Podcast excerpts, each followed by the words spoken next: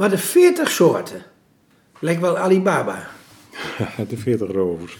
Ja, nee, het, het zijn soorten, zo mag je dat eigenlijk niet noemen. Het zijn 40 wegen die tot de ontwikkeling van allerlei soorten ogen geleid hebben. In de evolutie te herkennen tot zover. Eh, waarschijnlijk zijn er nog wat meer, maar goed, dat, uh, 40, laten we het daar maar even Zijn er ook redenen geweest waarom? De, de, de, evolutie heeft geen reden waarom. Hè. Het is, dat zijn toevalsdingen en zo is dat nou eenmaal gebeurd. Um, wat overigens niet betekent dat niet een heleboel van die ogen die via allerlei verschillende routes uh, uh, tot stand gekomen zijn, min of meer dezelfde, functie, uh, dezelfde vorm en functie hebben. Um, een van de aardigste voorbeelden is dat bijvoorbeeld ons oog is een prachtig cameraoog, functioneert uitstekend. Eenzelfde type oog, maar via een hele andere route, is bijvoorbeeld ontwikkeld door, een, door de inktvis. Dus de, een, dat, die heeft een oog wat heel veel op het onze lijkt, mhm. maar wat een hele andere route gevolgd heeft. Een hele andere evolutionaire route. Maar heeft die, tussendoor, heeft die inktvis nou ook twee ogen? Inktvis heeft ook twee ogen, de meeste, meeste, meeste inktvissen. En... Er wordt even gestoord door de hond. Die heeft trouwens ook ogen. Hè? Ja, die heeft ook ogen, ja. ja, ja, ja. Maar de, uh, de, de inktvis die uh, heeft ze zijn ogen uh, ontwikkeld in dezelfde, tot dezelfde oog, wat vergelijkbaar is met het onze. Hij heeft er twee. Sterker nog, het grootste oog wat we kennen op deze aarde is dat van de reuze inktvis. Oh, dat ja? is zo'n 35 centimeter groot. Dat is dus een, een knots. ja, ja, ja. ja, ik probeer het me zo even voor te stellen, maar dat is ja, gigantisch dat, dat is een hele grote, ja. Maar goed, dat is, dat, uh, je ziet dus dat, dat er uh, vergelijkbare ogen via verschillende wegen. Kun je soepkom van maken? Daar kun je soepkom van maken, ja. Uh, via verschillende wegen kunnen ontstaan. Maar er zijn natuurlijk een heleboel andere oog, ogen te ontdekken in de, in de dierenwereld. Die, die gewoon anders functioneren. Ehm, zo heb je, ehm, als je naar de ontwikkeling van het oog kijkt, kun je zeggen van, ehm, als daar, uh, als, als zo'n zo'n oogbekertje ontstaat, hè, in, in, dat, in dat experiment waar we het over hadden, als die, die wanden naar elkaar toe groeien, dan betekent dat dat het licht uiteindelijk via een klein gaatje dan in, die, in dat primitieve oogbolletje komt. Je hebt dan een soort camera obscura. Mm Dat is een geweldige beeldverbetering al dat soort ogen kom je gewoon tegen. Je hebt uh, uh, allerlei dieren, diertjes met, met een soort ja, camera obscura oogjes. Dus dat zijn oogjes die, niet, die er niet uitzien zoals het onze. Daar zit geen lens in, maar er zit gewoon een openingetje in. En omdat het een klein openingetje is, functioneert dat min of meer als een soort lensje. Nou, je hebt... Is dat nou ook hetzelfde wat de oogarts, die gebruikt ook wel eens zo'n spiegeltje of een, of een plaatje met één, één, één, klein gaatje erin? Ja, dat is, is, dat, dat, is, dat is een steenopese opening heet dat. En dat is, uh, ja, ik weet niet hoe, hoe jij dat vroeger deed. Ik maakte vroeger van schoenendozen, daar zet ik dan een, een stukje, plak, plakte ik een stukje transparant papier aan de mhm. ene kant. En dan maakte ik in de wand daar tegenover, stak ik met een spijkertje, stak ik een gaatje in. En dan, liet ik, dan, dan richtte ik het, het gaatje naar buiten toe. En dan zag ik op mijn transparante papiertje, zag ik keurig de contouren van de bomen, van de tuin. Ja, ja, ja, dat is een camera obscura, zo werkt dat. Dan is dat kleine gaatje, functioneert als een lensje. Dat soort ogen komen gewoon voor in de natuur. En, uh, zonder een echte lens? Zonder een echte lens, ja. ja. dat zijn eigenlijk min of meer open oogjes. Mhm. En zo zijn er veel meer variaties te bedenken. Uh, het, de facet, het facetoog van, van, van, een heleboel insecten, dat is natuurlijk ook een hele bijzondere vorm. Dat is niet één oog, dat zijn allemaal, allemaal hele kleine oogjes. Hè, die allemaal naast elkaar gezet zijn. En dat samen vormt dan dat, uh, dat facetoog. En, uh, Misschien is dat wel te vergelijken met uh, wat die sterrenkundigen doen. Ja, van een heleboel observatiepunten hebben en die samen om het heelal in te kijken. Ja, ja, ja, ja. Nou, ik weet niet of dat precies opgaat. Want het is niet zo dat de, de scherpte van een, een insectenoog nou zo geweldig is. Eh, dus eh, wij presteren veel beter wat, wat, eh, wat de scherpte van het beeld betreft dan een insect. het, het functioneert gewoon iets anders. Eh, nou, verder heb je natuurlijk in, eh, eh, ehm, in de natuur eh, beesten die, eh, die ogen hebben, of verschillende soorten ogen, die het zelfs presteren om verschillende eh, vormen van ogen te verzamelen. Het mooiste voorbeeld is de spin. Een spin heeft meestal acht tot tien ogen. En daarvan zijn, twee, zijn de twee, meestal de twee grootste, zijn de, de, de ogen die het, het beeld min of meer moeten, eh, moeten opvangen. Mhm. En wat doen die anderen? Ja, dat zijn dus primitievere ogen die waarschijnlijk voor andere sensaties, voor andere visuele sensaties eh, gebruikt worden. Is dat misschien het verschil wat wij in het eh, eh, centrale zien en het bijvoor- perifere zien? Nee, bijvoorbeeld, je zou je dat voor kunnen stellen. Hè, wat het, ik denk wel dat het zo is dat de, de, de echte jachtspinnen, hè, dus de, de spinnen zonder web, maar die, die dus echt jagen, dat die met name die twee grote koplampen, noem ik ze altijd, eh, gebruiken om, eh, om hun prooi goed te detecteren.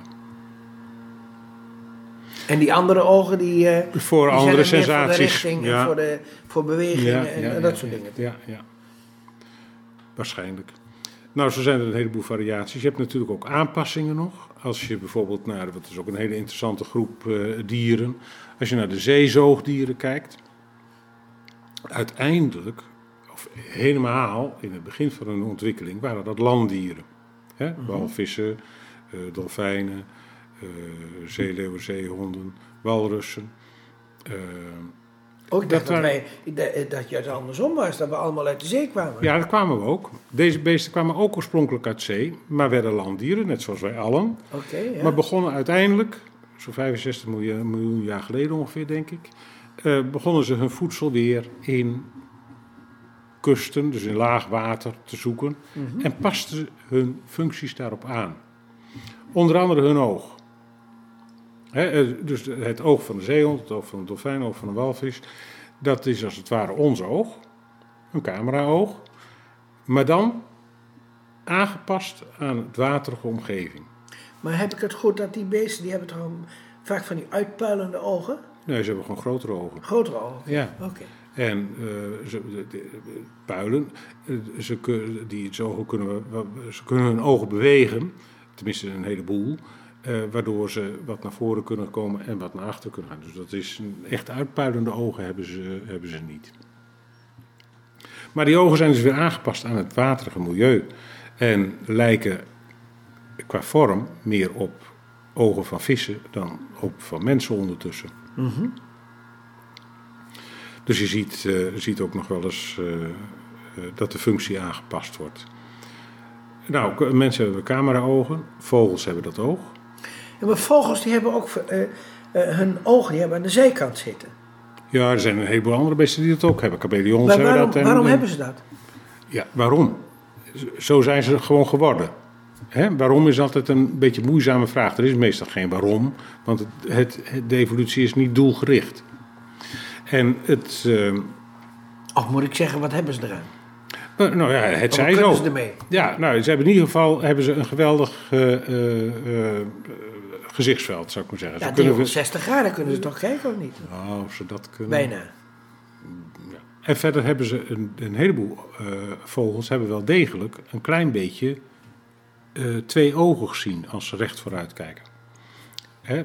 De uil heeft het natuurlijk in optimale vorm, maar, Maar, de die, maar meeste die heeft. De uil Die heeft ook gewoon... recht voor in de kop staan. Ja. Dus die hebben een optimaal binoculair zien, twee ogen zien. Maar de meeste andere vogels hebben dat ook wel een beetje. Maar als je nou bijvoorbeeld naar een walvis kijkt, ja, die heeft aan de ene kant van zijn lijf een oog zitten en aan de andere kant van het lijf. Nou, die twee, die, daar is echt geen sprake van. Er zit zo'n enorm lijf tussen. Die zien echt twee volledig verschillende beelden van de wereld. Het voordeel van het hebben van twee ogen, eh, zoals dat eh, van ons, van de, primaten, dus de, de, de mensachtigen, is dat je daarmee eh, een specifiek aspect nog aanbrengt hè, in het zien. Wij maken in ieder oog maken we een plaatje. Dat plaatje dat wordt ge, geanalyseerd door ons brein en dan In gaan we zien. gedigitaliseerd, zo Ja, gedigitaliseerd, het is niet anders. Als je van beide ogen een plaatje hebt van dezelfde, van dezelfde uh, uh, stukje wereld, dan is dat net even van verschoven ten opzichte van elkaar. In je brein worden die twee plaatjes weer bovenop elkaar gelegd, als het ware. En dan verschijnt er een extra dimensie. Je gaat er namelijk diepte zien, je gaat stereoscopisch zien, je gaat 3D kijken. En uh, dat voordeel hebben wij. Dat is erg praktisch. Als je als aap in een boom leeft en je springt van de ene boom naar de andere boom, dan weet je niet je uit ervaring Hoe, hoe ver die ja, bomen, of weg- hoe die tak precies zit. Ja. Als jij stereoscopisch zien hebt, dus 3D zien, dan kun je dat van tevoren goed inschatten. En kom je daar terecht waar je terecht moet komen. Dus dan is stereoscopie, is 3D zien, de mogelijkheid daarvoor, is eh, bijzonder praktisch. Nou, zo zijn er allerlei aanpassingen te vinden in de natuur.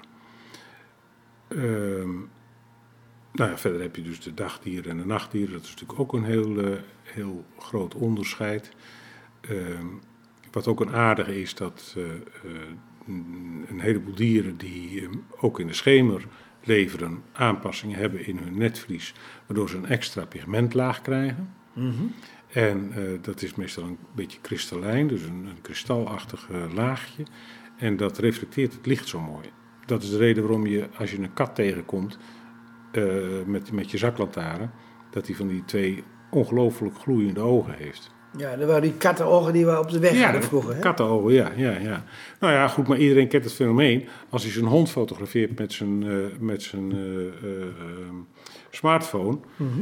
en de hond kijkt in de camera, je flitst en wat je dan op het plaatje ziet is een vage hond met twee enorme felle lichten, Oh, ja?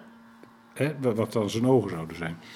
Dus het, ehm, dat is dat, dat laagje, dat extra laagje wat het licht reflecteert en de lichtopbrengst in zo'n oog vergroot. Eh, een heleboel be- beesten die ook jagen of leven in de schemer hebben dat. Honden hebben dat, katten hebben dat in hoge mate, eh, koeien hebben het.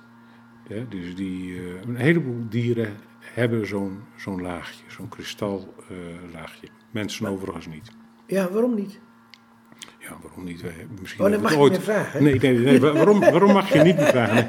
Nee, nee, nee, nee. Maar we hebben misschien ooit wel eens een keer iets dergelijks gehad, maar we hebben, eh, het, eh, eh, we hebben het nu in ieder geval niet meer.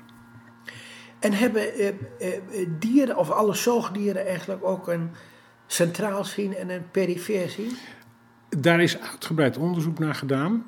Eh, gewoon door te tellen wat je, eh, waar de meeste. Kijk, wat het, het, het verschil tussen het centrale zien en het perifere zien, dat is dat de dichtheid aan pixels, aan lichtgevoelige cellen, in dat centrum het grootste is.